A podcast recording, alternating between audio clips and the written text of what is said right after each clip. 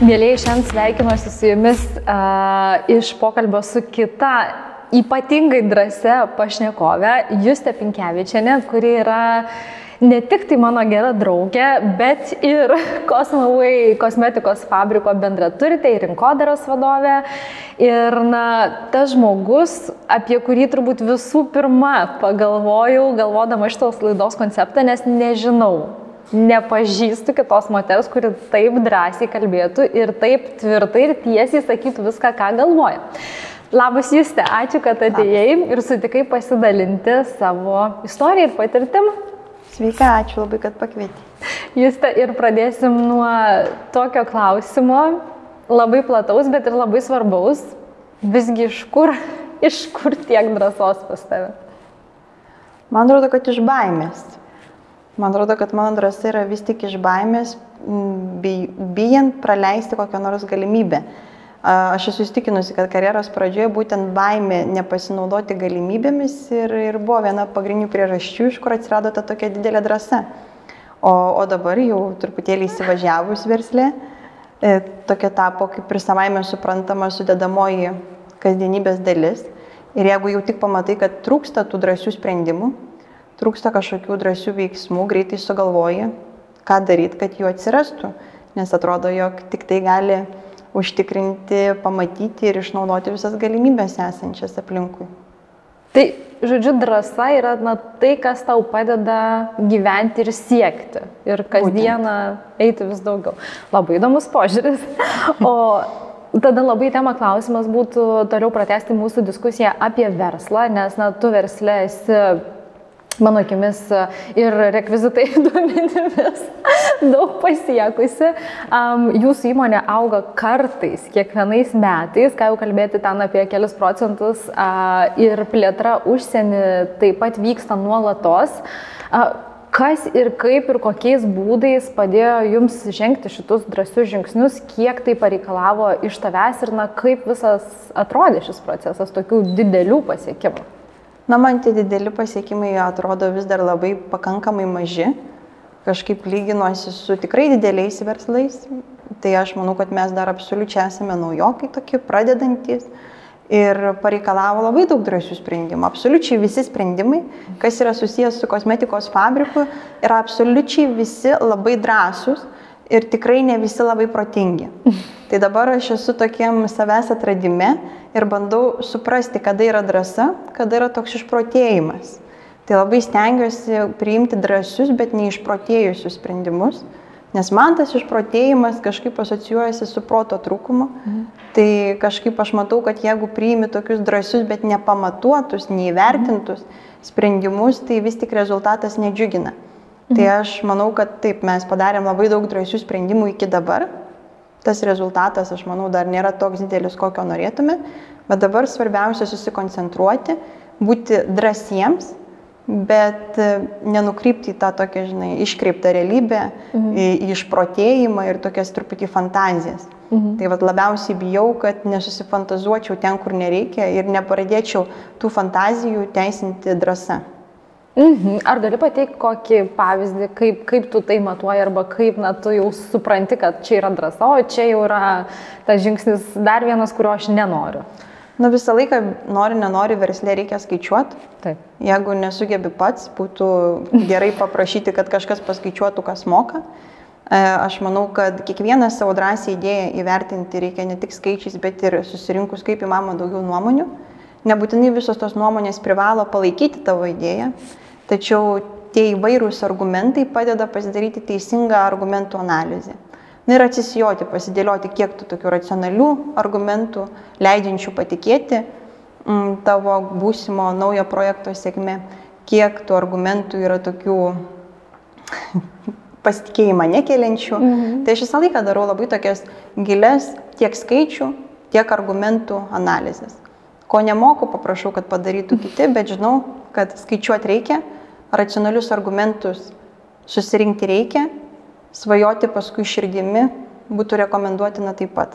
Tai bus tam tikri argumentai ir sprendimai tikrai pamatuoti, apskaičiuoti, o paskui jau tiesiog reikia turėti drąsos kartais pasitelkti ir tą tokią nuojautą, emocinį e, ryšį ir supratimą su projektais. Tai turi būti visuma, kaip visur niekas niekur nedingsta, balansas ir disciplina. O gyvenime, ar taip pat priminėjai sprendimus, kurie reikalauja drąsos, irgi tiek apskaičiavimo, matavimo, ar daugiau pajūtimo? Aš toks nesiblaškantis, manau, žmogus. Ir jeigu jau man pasiteisina strategija vienoje srityje, dažniausiai aš ją, ją vadovaujuosi ir kitose. Tai aš manau, kad aš esu, kokia aš esu gyvenime, tokia dažniausiai aš esu ir verstelė. Turiu tam tikras vertybės, kuriomis vadovaudamasi kuriu santykius, mm. kuriu verslą ir dažniausiai jos labai sutampa.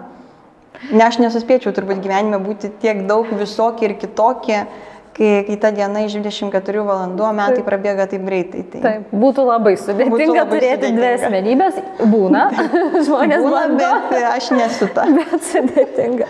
Jūs apie vertybės. Um, tavo kuriamos kosmetikos, vienos, vienos iš kosmetikos linijų Greenfields, um, mane nuo jos atsiradimo labai žavėjo um, gal na, šūkis arba iš vis misija, kaip, kaip jį vedama ir šiandien, e, jeigu pasakysiu teisingai, yra šimtų procentų atviri.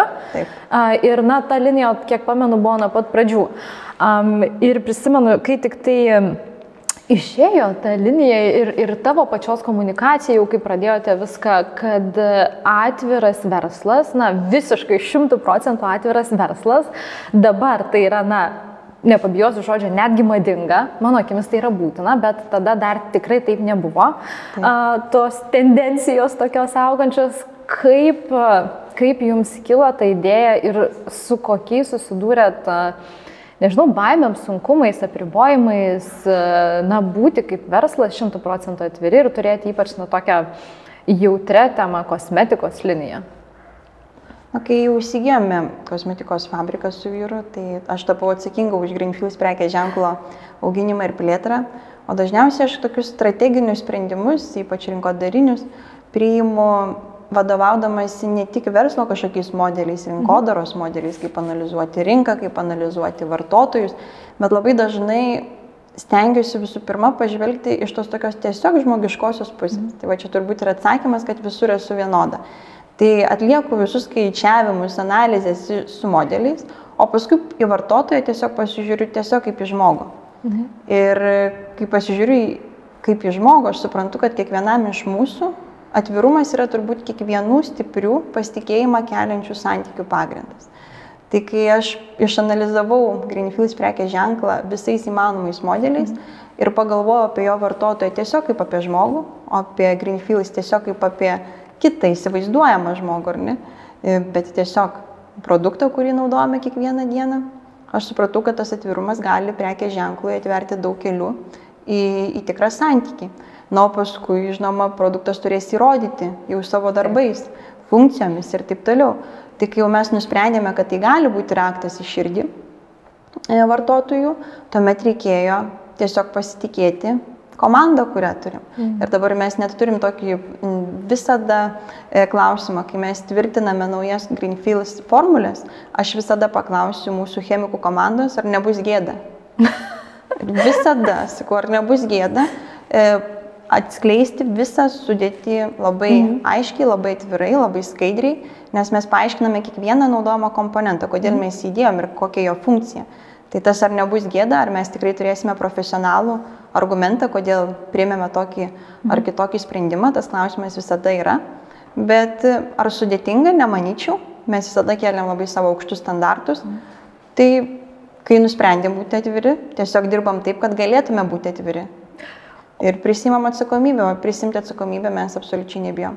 Mes e, nebijom nei pripažinti klaidų, nes dėja visi jas darom, ir neprisimame prisimti atsakomybę, kai ką nors labai gero padarom, labai greit prisimam tada. Tai va, tai labai smagu, kad tas šimtų procentų atvirumas perėjo ne tik, yra gyvas ne tik Greenfields komunikacijoje, mm. tačiau tai tapo pagrindinė vertybė ir kosmoviai visoje mm. veikloje. Santykiuose su partneriais, santykiuose su darbuotojais mūsų. Mes visada labai prašome atvirai sakyti, kokie yra lūkesčiai, mhm. atvirai sakyti, kokios iškilo problemos nebijome pripažinti klaidų, nebijome jas spręsti, nebijome priimti ir komplimentų, žinoma. Ar kaip tai atsispindi toj komunikacijai, nes na, tiek tu pati labai daliniesi socialiniuose tinkluose ir visais tais užkulisiais, behind the scenes, analizė ingredientų, na, visų tuo, ką jau aptarėme. Ir pats prekinis ženklas turi savo komunikacijos liniją, kaip, na, kaip reaguoja žmonės. Ar, ar iš pat pradžių sureagavo gerai ir iš visų reagavo į tą atvirumą, ar buvo, na, tokių nepatogių momentų, sunkių momentų komunikacijai. Na, pirmoji kampanija, kuri pristatė tą atvirumą, buvo tokia, kad aš visą sudėčių, visą sudėtį, tai yra visą ingredientų sąrašą tiesiog parašiau makete. Mhm. Tai kai dažniausiai mes matome reklamose kokius nors reklamos veidą ar tiesiog Taip. labai gražiai nufotografuotą produktą, mes visą tą sudėtingai skambančių pavadinimų sąrašą išrašėme atvirai vartotojui žurnale. Ir žinokit, nebuvo nei vienas, kuris pradėtų kažkaip tai kritikuoti. Aš vis, vis laukiau, laukiau ir mhm. niekas nekritikavo, e, nes, na, tikiuosi, kad tiesiog tie mūsų sprendimai buvo labai logiški ir vartotojai pasitikėjo. Manau, pagrindinė vertė, kurią teikia 100 procentų atvirumas, tai yra saugumo jausmas. Mm. Kai tu žinai ir kai gamintojas neslėpia nieko, vartotojui tampa kur kas saugiau. Jis nebūtinai net skaito, ką tu parašai. Bet jeigu tu pasakai, kad parašiai, jam atrodo, kad viskas gerai, aš sakiau, kartais man atrodo, kad aš ten galėčiau parašyti kokį nors kalėnį palinkėjimą e, prie sudėties ir gali būti, kad jau dabar, kadangi visi žino, kad Greenfields atskleidžia viską skaidriai, gal net ne visi net perskaitytų. Tai šioje vietoje aš manau, kad mūsų ta vertybė tai nėra toks tik tai skambus rinkodarinis sakinys. Mhm. Jis kuria labai aiškę pridėtinę vertę. Tu žinai, ką tu tepi ant savo odos, kuo tu plauniesi savo plaukus, kuo tu valaisi dantis. Ir žinojimas žmogui visada padeda jausti saugiai. Tai man labai džiugu, kad ta mūsų vertybė e, ir pagrindinis prekės ženklų išskirtinumas rinkoje yra tikrai labai vertingas ir naudingas. Mm. Um, manau, kad čia šitoje vietoje mes turime ir galime atrasti vertingą rinkodaros pamoką, nes drąsiai bekalbančių prekės ženklų ir asmeninio prekės ženklų yra palyginti mažai, na vis tiek yra ta kažkokia atsargos ir saugumo riba, kurią žmonės na, vengia peržengti ir sako, na galbūt nuo čia jau komercinės paslaptys prasideda, ar aš nenoriu atskleisti visko, ar na galbūt nėra prasmės gal kažkokį slaptą ingredientą smagu turėti. Tu tuo tarpu elgėsi visiškai priešingai, tau tai pasiteisina ir netgi tokia pionierė tave pavadinčiau dėl vieno tavo sprendimo kalbėti atvirai net ir apie kainas. Ir na, mane vienu metu tikrai e, labai sužavėjo ir maloniai nustebino tavo kažkuris pasidalymas apie tai, kodėl kosmetika gali būti gerai ir kainuoti nebrangiai, na, nekainuoti šimtų ar net tūkstančių. E, esi kalbėjus apie pakuočių kainą, na, iš ko susidaro ir, ir na, visą tą procesą. Tai, Truputį papasakok apie čia. Darai verslą, rūpi komercija ir tuo pačiu taip atvirai daliniesi. Koks na čia yra tas motyvas ir iš kur čia yra drąsa iš tiesų pasidalinti viskuo kaip yra? Tai čia vat vėl turbūt įrodo tas mano pirmai, pirmai vat, ap, apčiota tema, kad aš vis tik analizuoju vers, verslo situacijas labai ne tik iš verslo kažkokių praktikų ar metodologijų, kurias išmokstame universitetuose ar tiesiog nuolat besimokydami savo profesinių dalykų, bet kaip žmogus. Ir aš tai pagalvoju, ar žmogui svarbu kaina kosmetikos. Nu, man tai yra svarbi. Ar aš norėčiau va, tiesiog kaip vartotojas sužinoti, iš ko susideda kosmetikos mm, visa kaina, ar, ar man būtų įdomu, ar man būtų įdomu. Mm. Ar man kaip verslininkiai patogu, labai nepatogu, kai aš pasakau, kad pakuotė kainuoja brangiau už tavo serumą, iš kurio tu tikiesi stebuklą, ar ne? Tai kaip verslininkiai nepatogu bet kaip žmogui svarbu. Bet kaip verslininkiai, man už tą trumpalaikį nepatogumą kur kas svarbiau ilgalaikiai tvarūs santykiai užmėgsti su vartotojais arba mhm. mūsų partneriais. Tai aš vis tik esu pasiruošusi priimti tą tokį trumpalaikį nepatogumą šiandien su įvairiais klausimais man kaip verslininkiai, mhm. bet e, tikiu ilgalaikiu rezultatu, kad manimi pasitikės vartotojos, kad manimi pasitikės mano verslo partneriai, nes aš visada būnu atvira ir sakau taip, kaip yra. Tai aš gal dėl to ir tas ilgas distancijas dabar pradėjau bėgti ir labai mėgstu tai daryti, nes mano pagrindinė dabar užduotis pa, pačiai savo, tai yra lavinti kantrybę. Čia yra viena dabar esminių mano asmenybės savybių, su kuria aš labai dirbu. Ir čia irgi turbūt va, su tom tokiom nepatogiom tiesom, mhm. nepatogiomis temomis, tu turi turėti kantrybės. Jeigu tu nori užmėgsti ilgalaikius santykius, tu privalėsi būti atviras, anksčiau ir vėliau. Jeigu norėsi turėti tos tokius tikrus rezultatus, o ne šiandienos vienos dienos sėkmę. Mhm. Tai va dėl to aš bėgu ilgas distancijas, dėl to aš kartais specialiai užsidedu ausinukus ir klausau lygiai vieną dainą, kad jinai man atsibostų. Specialiai tai darau, pavyzdžiui, 20 km ar 16 ar 17 ir žiūriu, ką aš sugalvoju, kaip, kaip aš e, lavinu savo kantrybę ir toliau klausyti tą patį priedainį. E, arba aš išjungiu apskritai ausinuką, mhm. kad būtų dar nuobodžiau, tada vėl bandau atrasti atrasti kažkokių priemonių, kaip e, lavinti tą kantrybę ir vis tik finišuoti su tokiu kilometrų skaičiumi, kokį nu, užsibrėžiau savo. Tai aš manau, čia tas toks kantry, susiję labai su kantrybės lavinimu. Su kantrybės Nebijotis lavinimu. šiandien sakyti tiesą, tam, kad ilgalaikėje perspektyvoje tu užmėgstum ilgus ir tvarius santykius tiek versle, tiek, tiek turbūt ir, ir gyvenime tiesiog. Dar viena mums vertinga pamoka yra turbūt tas atkaklumas, kantrybės lavinimas, labai įdomus tavo pavyzdys. Nors aš esu labai greitas žmogus, kas svarbiausia. Ir, ir čia aš nuolat turiu save stabdyti, nes net ir nusprendusi bėgti ilgą distanciją, aš stengiuosi tai padaryti greitai. Ir aš labai stebiu savo tempą ir matau, kad aš vis tiek bandau bėgti kaip greitą distanciją, tai aš turiu save mokyti stabdyti, kad ne, jūs nebėg lėčiau, bet tu nubėgsi daugiau. Tai yra nuolatinis darbas su savim. Mm. Tai va šitom nepatogiom tiesom tikrai gali būti išvestas na, rimtas ryšys, kad viskas susijęs su kantrybė. Taip, šiandien reikia kalbėti tai, kas vartotojams iš tiesų aktualu, bet nebūtinai tau patogu kaip versininkui. Mm. Bet tik tai tam, kad tu pasiektum tą finišą, kurio tu nori santykiuose su savo klientais. Mm. Jūs tavo verslas verslu ir, na, čia dažnai galima galvoti, kad uh, strategija, viskas apgalvota, protingai, pamatuota, sudėliota. Um, bet čia mes turime ir daugiau dalykų, nes tu pati iš savo asmeninių paskirų uh, daliniesi visą tą informaciją, esi tam tikra nuomonės netgi formuotoja, turbūt tiek verslo, tiek grožio kažkurioje srityje. Ir na, kiek aš skaitau, tai tu nevengi pasidalinti tiek va tom sėkmės istorijom ar atvejais kažkokiais, tiek nesėkmės ar kažkokiam pamokom. Um, kaip žmogui, kur jau nėra galbūt tos ar ne, tokios didelės verslo strategijos, nes tu turi prisimti savo atsakomybę už tiek už sėkmės, tiek už nesėkmės. Kaip čia atrandi uh, motivacijos, gal taip pavadinsiu, ir drąsos, na, iš tiesų paimti ir parašyti arba papasakoti tą istoriją? Na, man nesudėtinga kažkaip pripažinti, kad aš darau klaidas ir dažniausiai mm. vis mhm. tiek socialiniuose tinkluose aš dalinuosi profesinėmis išvalgomis. Taip. Labai Nors turbūt kartais per daug dalinuosi tik profesinėmis išvalgomis. Man atrodo, kad aš jau kartais per daug rodau tų kosmetikos gamybos užkuliusių, jau niekam tiek neįdomu, kiek man pačiai parodyti juos. Ir galbūt per mažai kaip tik rodau to tokio lengvo ir greito turinio, mhm. kuris padeda auginti greičiau tavo turimą mhm. auditoriją. Bet čia vėl viskas susijęs su kaip tu įsivaizduoji save ilgalaikėje perspektyvoje ir aš renkuosi geriau tą tokį ilgesnį laiką mhm. atsirenkant informaciją, kurią dalinuosi. Mm, ir geriau aš jau turėsiu tokį įvaizdį savęs, kaip aš įsivaizduoju save po dešimt metų. Tai vėl aš renkuosi tą ilgąją distanciją, o tuos dalykus, kurio, kuriais aš dalinuosi, tai dažniausiai vis tiek tai yra visiškai susijęs su mano profesinė veikla. Ir o kad joje žmonės klysta, yra akivaizdu. Mes dabar turime naują tokį net pasakymą, kad visi žmonės klaidas daro, bet mes visų padaryti tai nenorim.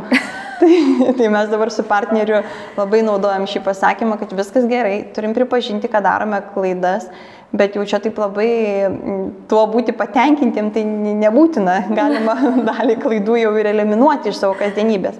Okay. Tai vad kažkaip, kadangi tos klaidos nėra susijusios turbūt su mano labai tokiais, žinai, jautriomis kažkokiamis asmenėmis temomis, tai tai ir turbūt nėra taip sudėtinga. Nežinau, kas būtų, jeigu man reikėtų pasakoti kokius nors savo konfliktus su vyru. Gal taip drąsu nebūtų, nors, kaip žinia, tikrai daug yra rinkoje nuomonių formuotojų, kur drąsiai ir pikčius rodo, ir, ir garsiai pykstas, ir garsiai taikosi. Man tai nebūtų tai lengva. Mm. Man čia, žinai, apie kremus papasakot, tai yra mm. viena. Arba kaip ten padarai klaidą etiketį.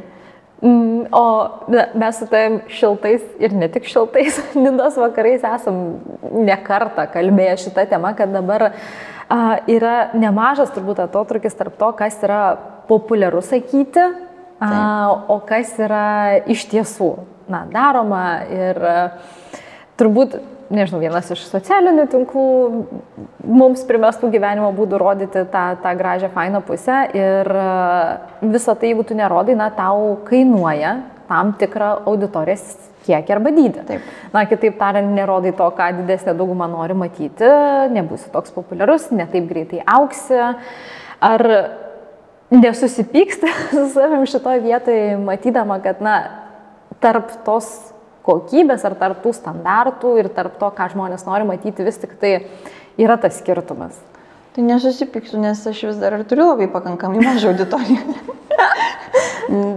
Turbūt susipykčiau, jeigu pradėčiau elgtis ne taip, kaip įsivaizduoju, kad, kad būtų teisinga. Tai mhm. šioje vietoje man vis tiek kažkaip tas viešas gyvenimas mhm. ir to pap, lengvo labai turinio teikimas vartotojams nu, turi pas mane tokias labai iškes ribas. Mhm. Tai aš galiu lengvą turinį nuo sunkaus atskirti, kas liečia grožio industrijos klausimais, tačiau dažniausiai niekada neperžengiu, kas liečia tais asmeniniais, mhm. o kaip tyčia tie asmeniniai ir įdomiausia vartotojams. Tai dabar yra tokia, vat, nu, vidinis konfliktas vis tiek vyksta, nes tu pamatai, kad labai dažnai vartotojai tiesos tenori. Tiesa yra neįdomi. Ir jeigu tu pasakai, kad nežiūrėkit, nebijokit to komponento, jisai vėžio nesukelia, niekas to neįrodė, ai, tai iš vis neseksiu tavęs. Geriau tikėti tą, kuri pasakot sukelia, tu nenaudok, neim.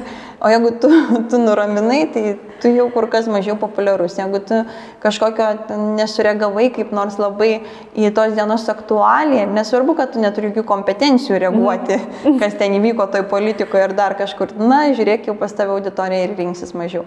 Tai nėra to konflikto vidinio tik dėl to, kad dar kol kas aš neperžengiau mhm. tų ribų. Pas mane socialiniuose tinkluose vis tiek didžioji dalis informacijos yra susijusi su mano profesiniais mm, tikslais, mm. o tiek, kiek aš pasidalinu to tokio šeimininio gyvenimo, tai jis irgi yra labai tik paviršutiniškomis priemonėmis mm -hmm. parodytas. Kol kas neketinu peržengti šios ribos ir geriau vėlgi bėgsiu tas ilgas distancijas, nes puikiai žinau, kaip noriu atrodyti, kaip ir minėjau, po 10 metų.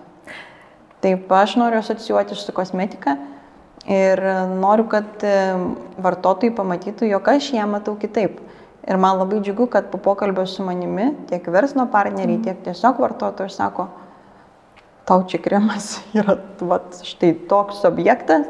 Mm. Tai man kremas yra ypatingas objektas. Man dušo želė yra neskystis spalvotas ir kvepiantis.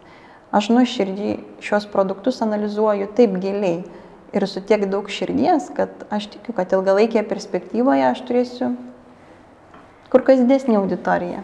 Nu, dar vienas drąsos reikalaujantis sprendimas um, ir apie tokius kalbant dabar, ypač grožio industrijoje ar kitokioj, na, pagalbos savo, rūpešio savo, galima taip net pasakyti, viso well-being industrijoje yra, na, nepaslaptis, kad vis dar sėkmės pliulių etapas era, ar kad ir kaip pavadinsim, na, kai norisi to greito rezultato čia ir dabar, ir te būnė už pigiai, te būnė už brangiai, priklauso nuo auditorijų turbūt, kaip kam norisi, bet nu, norisi to, to stebuklo, būti gražiai, nežinau, per naktį pastepus kremu, ar sėkmingai versle, vos tik tai atsidarius, ar kad kiekvienas projektas būtų toks, kokio aš tikiuosi, o pas tave paskiroj, arba, na, iš viso gal kalbėti taip apie žodį, kuris man asocijuosi labiausiai su tavim, yra nesėkmė, ne piliulės, ne, dar ne paslaptys, o disciplina.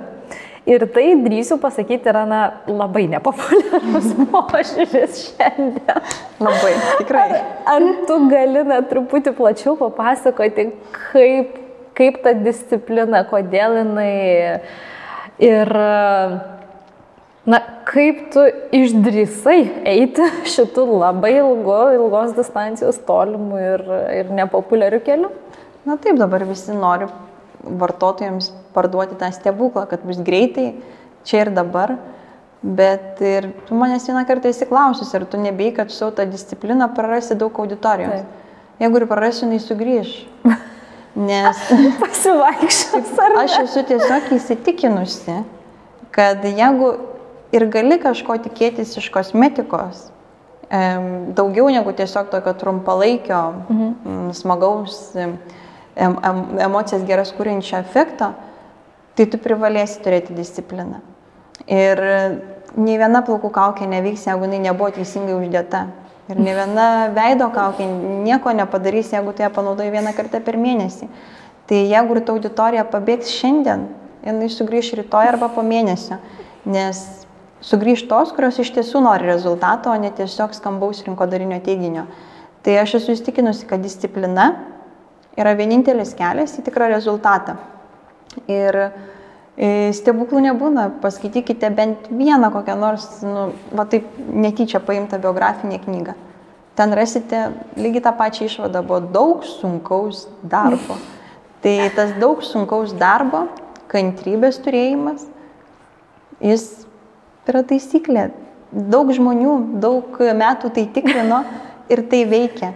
E, o visa kita, tie tokie manimai, kad suburtų lasdėlę pamosikuosim ir bus staigiai čia ir dabar, tinka tiems, nu, šiandien tokios kažkokios malonesnės emocijos siekintiems žmonėms, o aš noriu ilgalaikių rezultatų, aš noriu tą malonumą jausti ir šiandien, ir rytoj, ir poryt. Ir man disciplina tai neasocijuojasi su vargu mhm. ar savęs įspraudimu į rėmus. Man disciplina asocijuojasi kaip tik su laisvė. Mhm. Kai žinau savo dienos planą, aš esu tikra, kad aš teisingai išleidžiu savo pinigus grožio procedūroms.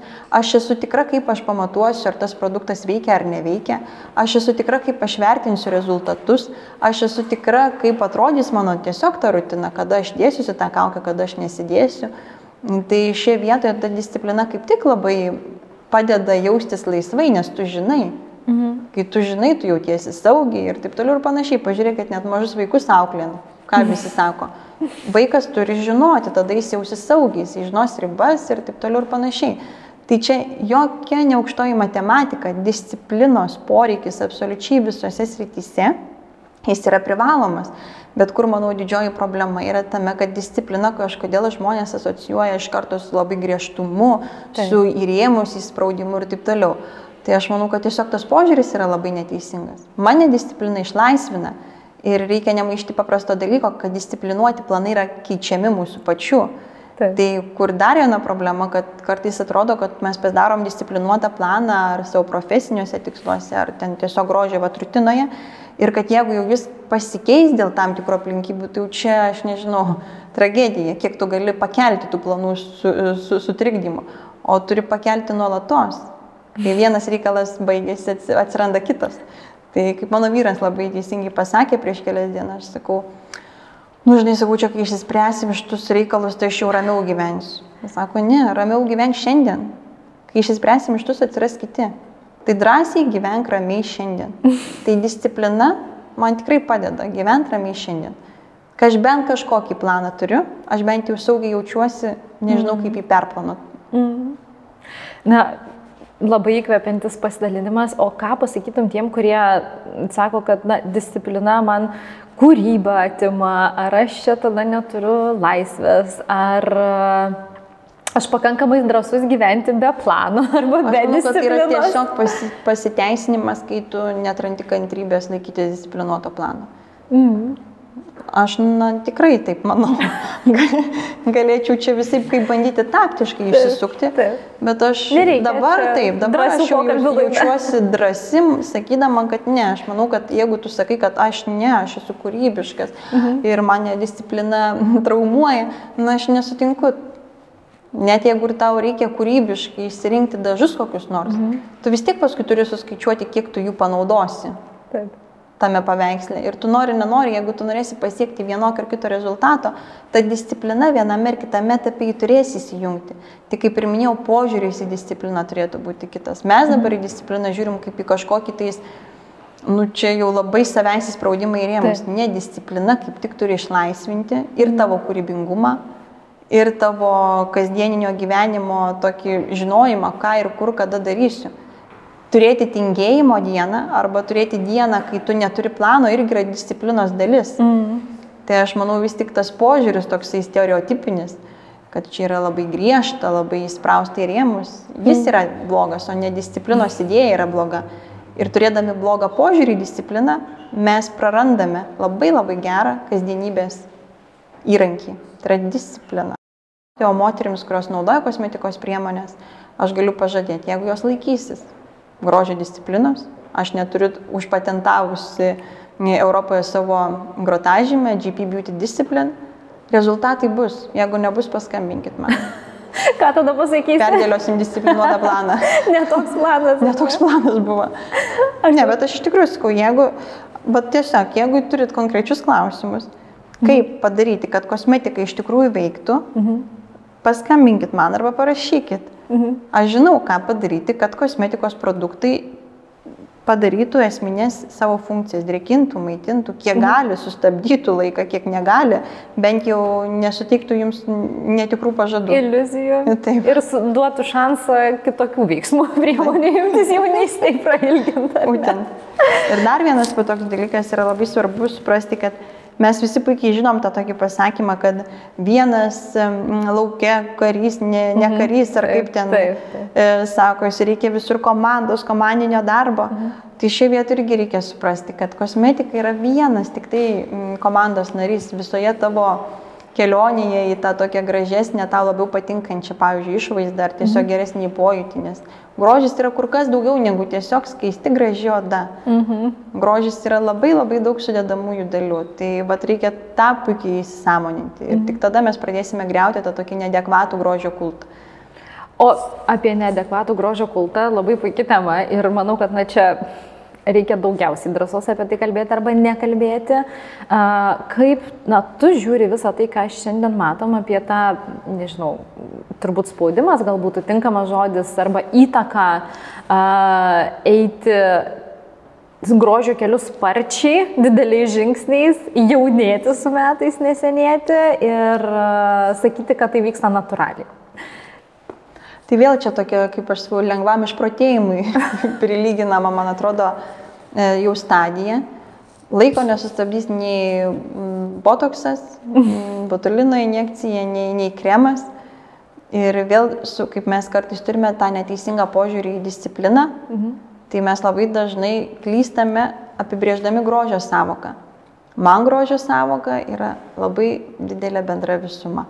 Bet jokių būdų neišaukštinimas vienos ar kitos dalies. Čia labai dažnai, žinot, kai sako, kad, o va, čia vietoj tų kremukų geriau į knygą paskaityti. Mhm. Nu, labą dieną. Atrodo, kad aš jau tos knygos neskaitau, bet aš turiu vieną kūną, e, aš labai noriu lavinti nuolatos protą, noriu būti kaip įmanoma sparčiau augantis žmogus, kaip asmenybė, bet kuo nusikalto ta mano oda ir tie plaukai, tai irgi mano kūno sudėdamoji dalis, aš turiu žiūrėti su pagarba, bet atrasti balansą. Tai manau pagrindinė problema šiuo metu, kad yra visiškai prarastas balansas. Viena mm. pagrindinių tų priežasčių tikrai yra socialiniai tinklai. Mm. Kai mes bijome būti atviri, mm. bijome rodyti save tokie, kokie mes esame, naudojame filtrus, mm. naudojame viską pagražintai mm. ir tuomet auga ta naujoji karta, kuriems atrodo, kad taip turi būti ir jeigu taip nėra, mano kasdienybėje kažkas yra blogai. Tai šioje vietoje reikia manau, dabar dėti visas pastangas, kad e, ypač jaunimą pasiekinti informaciją, ji būtų su teisingais grožio apibrėžimais. Mm. Ar tu turi savo išsikėlusi tikslų šio klausimu? Taip, aš nuolatos stengiuosi bendrauti su jaunai, jaunai auditorija, kiek mane pakviečia paskaityti kokias nors paskaitas mm. apie grožio industriją ar, ar verslą, ar tiesiog grožio rutiną. Aš visą laiką labai, pirmas mano klausimas būna, būna koks amžius. Mm su kuo aš bendrausiu. Ir jeigu tai būna jaunos merginos, dažniausiai aš visada, visada randu laiko. Mhm. Nes aš labai tikiu jomis, aš pati turiu dukrą, pati mhm. turiu sūnų. Ir aš labai norėčiau, kad jie turėtų galimybę gauti kaip įmanoma daugiau informacijos apie tą tikrąją grožio savoką. Mhm. Nes tiesiog trūksta teisingų apibrėžimų šiuo metu. Trūksta teisingų apibrėžimų kosmetikos. Visi mano, kad tai yra praktiškai vaistas arba stebukladarys, mm. O tai yra tik paviršiai veikiantys produktai. Mm. Trūksta apibrėžimo, kas yra disciplina ir kam skirta. Trūksta apibrėžimo, kas yra grožis atrodo, kad tai yra tiesiog putlesnės lūpos arba lygi oda, visa kita pamirštama arba kaip tik priešinama. Mm. Jeigu tu graži, tai tu būtinai būsi neprotinga. Nerandi tiesiog, man atrodo, taip, aš manau, kad tiesiog reikėtų vieną kartą paimti ir drąsiai parašyti apibrėžimus žodžių. Jeigu kyla kažkur diskusijos, padiskutuoti ir išsigryninti ir vieną kartą parašyti juodą ant balto, kas yra grožis, kada naudojame šią savoką, kas yra kosmetika, kas yra disciplina, kas yra dar kažkokių kitų srityje naudojamų žodžių apibrėžimai.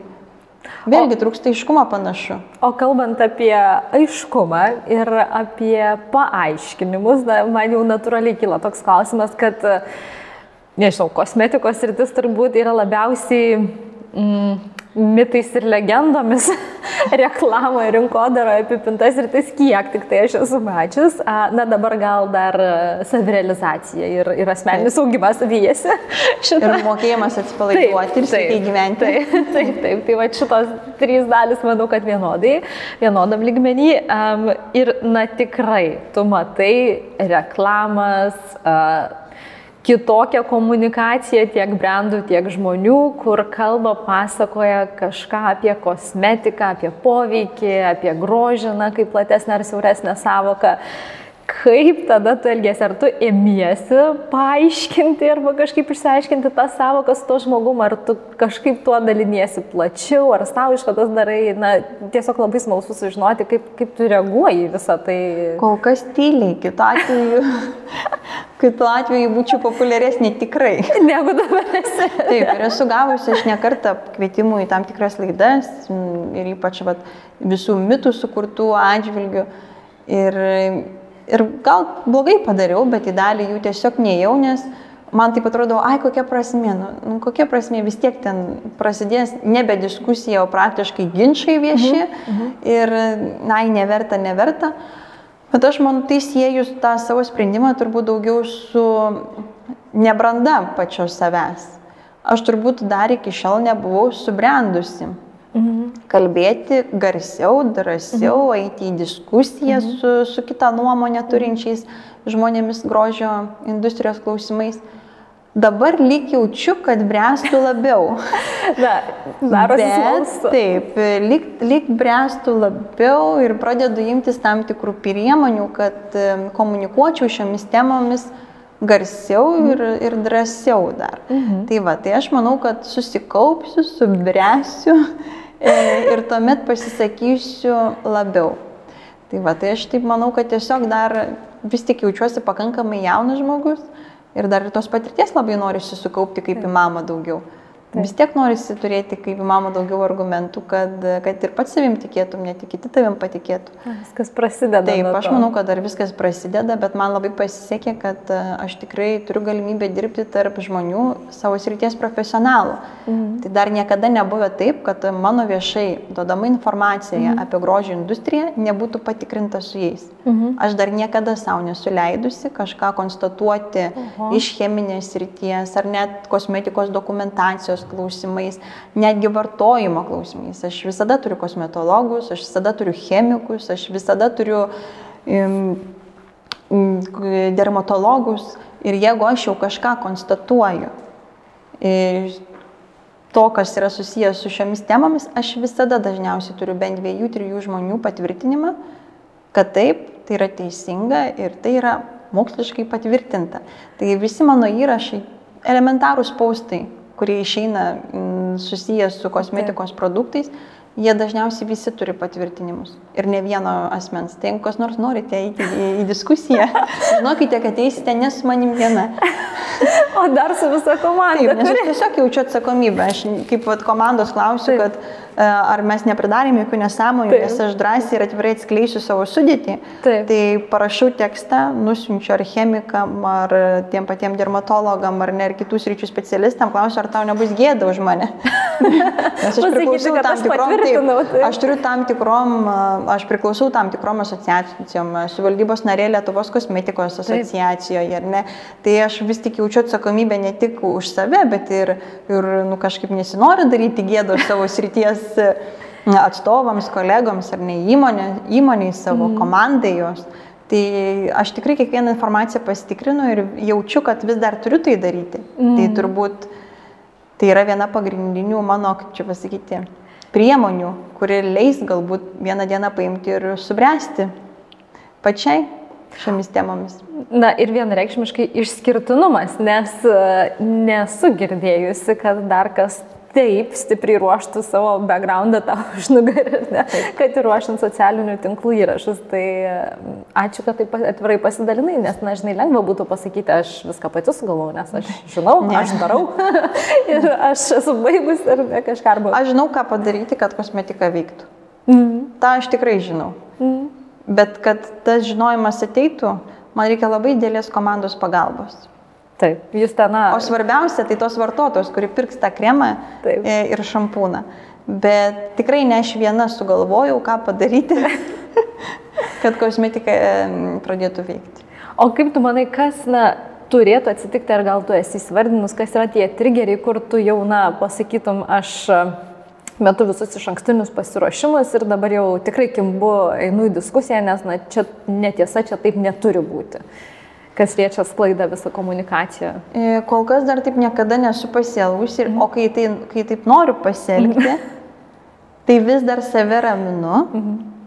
kad dar niekada nebuvo gerai savo nuomonę reikšti pasitelkiant tik emocijas. Nes tas toks mhm. pirmas, toks va dabar, tai jau tikrai pasakysiu, Taip. vis tiek yra nulemtas emocijų, nes tu nori kovoti už tiesą tavo suvokimu, tu nori Taip. pasakyti ir tu tiki, kad tai yra neteisinga ir tu nori skleisti tą žinutę, bet dažniausiai tas toks užsidegimas yra vis tiek paremtas emocijomis. Taip.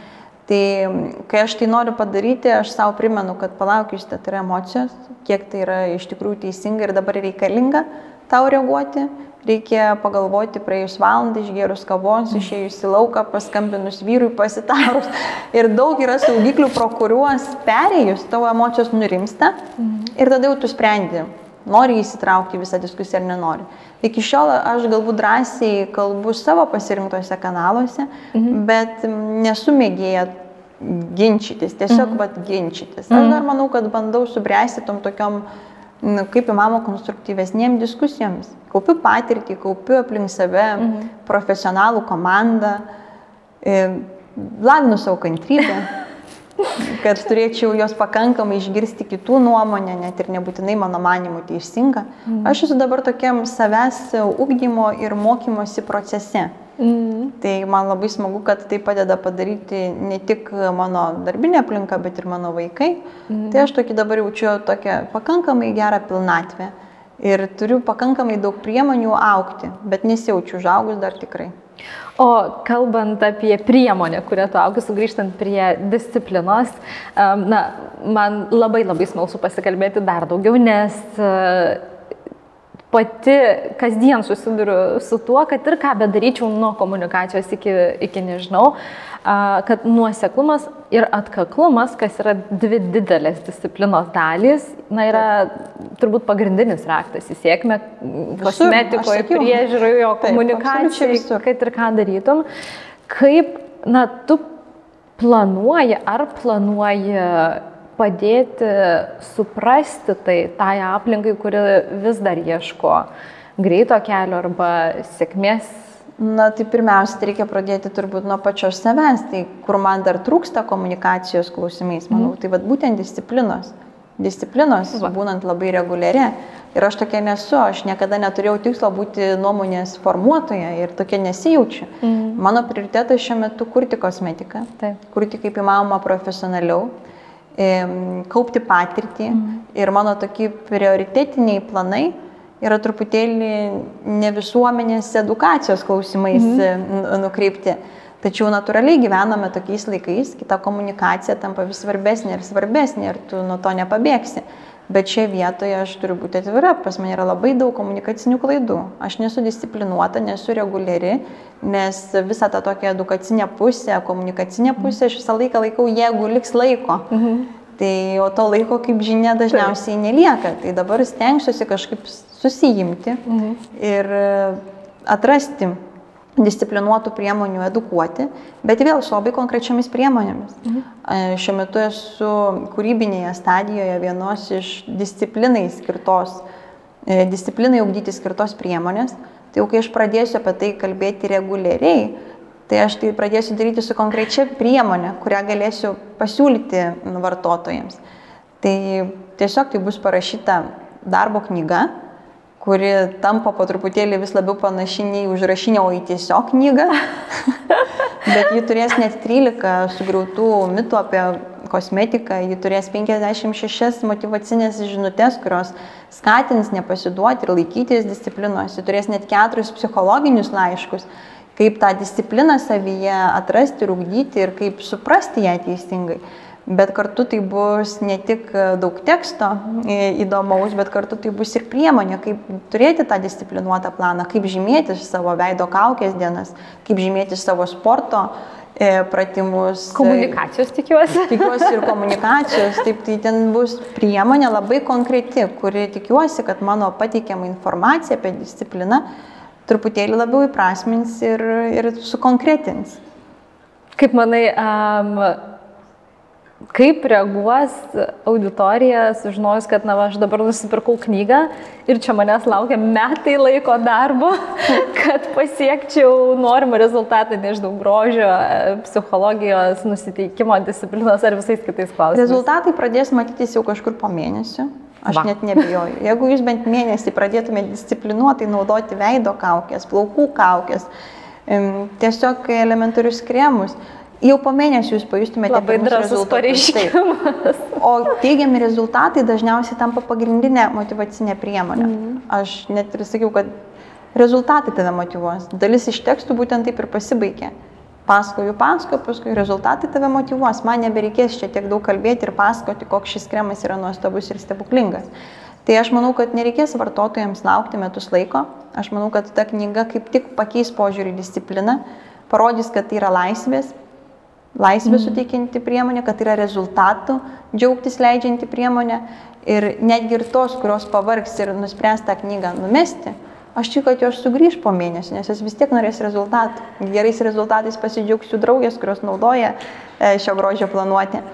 Tai aš kažkaip taip tikiu, kad, e, kad vartotojas neišsigas. Žodžiu, pirmas mėnesis yra sunkiausias ir sudėtingiausias išlaukti, o paskui jau tie rezultatai motivuoja. Bet aš visą laiką kviečiu į komandą įtraukti daugiau žmonių. Visą laiką yra labai smagu tos disciplinos ar teisingų įpročių mhm. E, ugdytis kartu su kažkuo, kai tu gali pasiskūsti kažkam, kad tau atsibodo arba gali pasigirti, kad tau pavyko.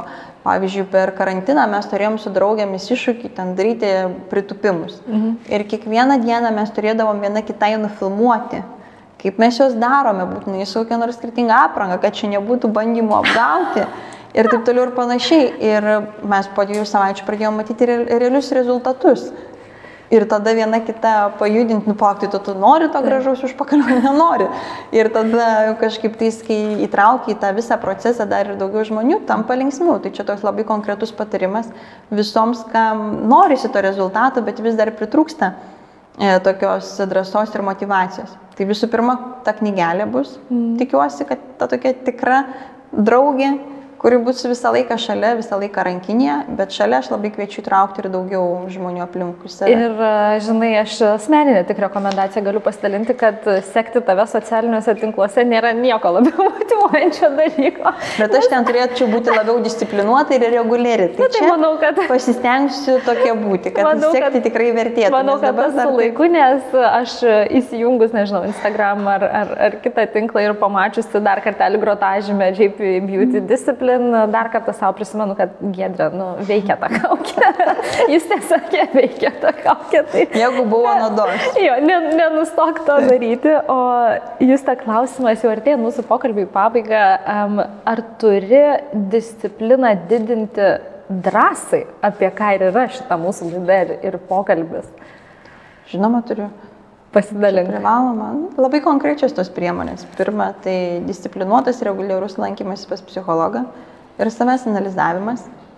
Na, aš tikiu, kad tai labai padeda padidinti drąsą visose gyvenimo srityse ir tai mano geriausias atradimas ir sprendimas. Tai aš lankausi pas psichologą reguliariai. Ir nebijai apie tai kalbėti. Ne, vieną kartą per savaitę. Ir tai bandau savyje atrasti drąsą, gyventi mm. taip, kaip man atrodo man smagiausia ir teisingiausia. Antras dalykas - biografinės knygos. Aš privalau bent vieną biografinę knygą perskaityti per mėnesį. Ir aš tik įsitikinu, kad disciplina yra privaloma, norint pasiekti užsibrieštų tikslų, norint gyventi tiesiog laimingai, taip kaip tu, kaip tu nori. Tai psichologas, biografinės knygos, tai yra bandymas e, panalizuoti tiesiog kitų gyven, žmonių gyvenimą, jų istorijas ir pasimokyti iš kitų daro, padarytų klaidų arba priemonių, kuriamis jie pasiekė savo užsibrieštų tikslų. Mm. Ir trečias dalykas, tai yra turbūt tas toks komforto zonos e, sumažinimas ir mhm. pabandymas daryti tai, ką kartais atrodo daryti nepatogu. Pavyzdžiui, ką pastaruoju metu? Kaip susimažinai savo komforto zoną? Pat šiandien įvyko vienas dalykas, kur aš sakiau, kad nu jūs galėjai ir patylėti galbūt, bet paskui nusprendžiau, kad ne, tai yra drąsos repeticija. Mhm. Vienas viešas žmogus, kurį aš pažįstu, pasidalino tam tikrų įrašų ir aš labai nesutikau su jo nuomonė. Labai.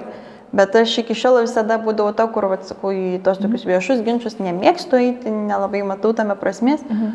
Ir paskui galvoju, nu, ne, tai yra svarbi visuomeniai tema, aš labai nesutinku su šią nuomonę ir aš pasisakysiu.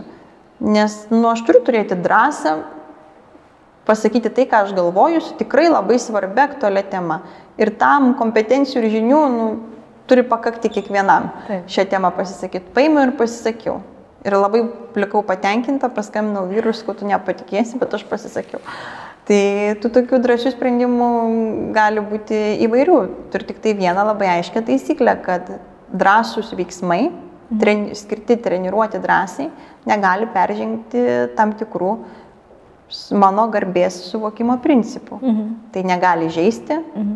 tai ne, negali būti negarbinga, Tai aš turiu tam tikras ribas, kaip tą drąsą savo treniruoti, nebijant drąsiai elgtis. Žodžiu, socialiai atsakinga drąsa. Taip, dabar socialiai atsakinga drąsa. Bet tiesiog turi pradėti daryti tai, ką iki šiol truputėlį pribijodavai dėl tam tikrų turbūt nežinomybės mm. aspektų pasiekmių atžvilgių. O ko bijai šiandien? Kad nebijau nieko. Papasakok.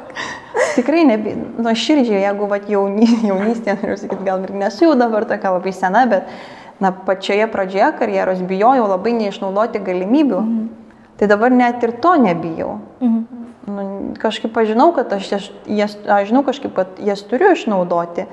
Tai aš nebijau, kad aš neišnaudosiu galimybės, nes aš jas nuolat stengiuosi pamatyti ir daryti viską, kad, kad jomis pasinaudočiau nebijau, kad man nepasiseks, nes aš turiu A, B, C, D, E, F e planus, ką aš darysiu, jeigu man nepasiseks.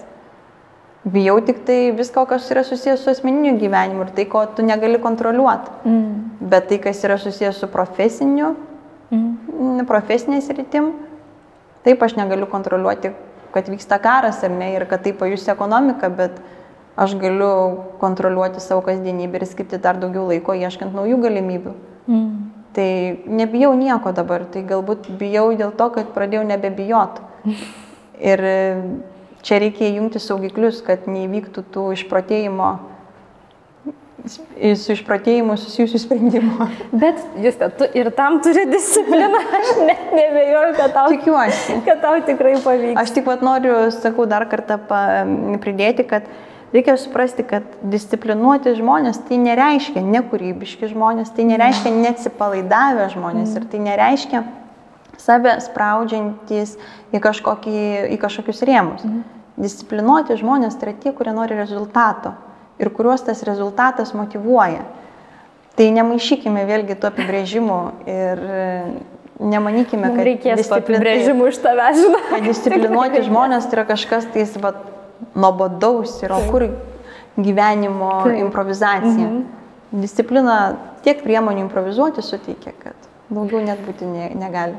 Ačiū tau labai jūs už tokį drąsų, atvirą pasidalinimą temomis nuo verslo iki komunikacijos, iki asmeninių baimų ir, ir viso kito. Man belieka tau palinkėti tiesiog tęsti tai, ką darai dabar. Um, aš labai lauksiu dar nuoseklesnės komunikacijos, nes tai veikia, kaip jau tu ir sakei, ir labai tikiuosi, kad uh, galbūt po truputį išgyvendinsim tą čia ir dabar nesėkmės piliulį ir iš tikrųjų galėsim pradėti kalbėti apie nepatogius dalykus, bet teisingus. Tai ačiū tau dar kartelį labai mieloji, kad atėjai. Ačiū tau, kad pakvietei. We'll be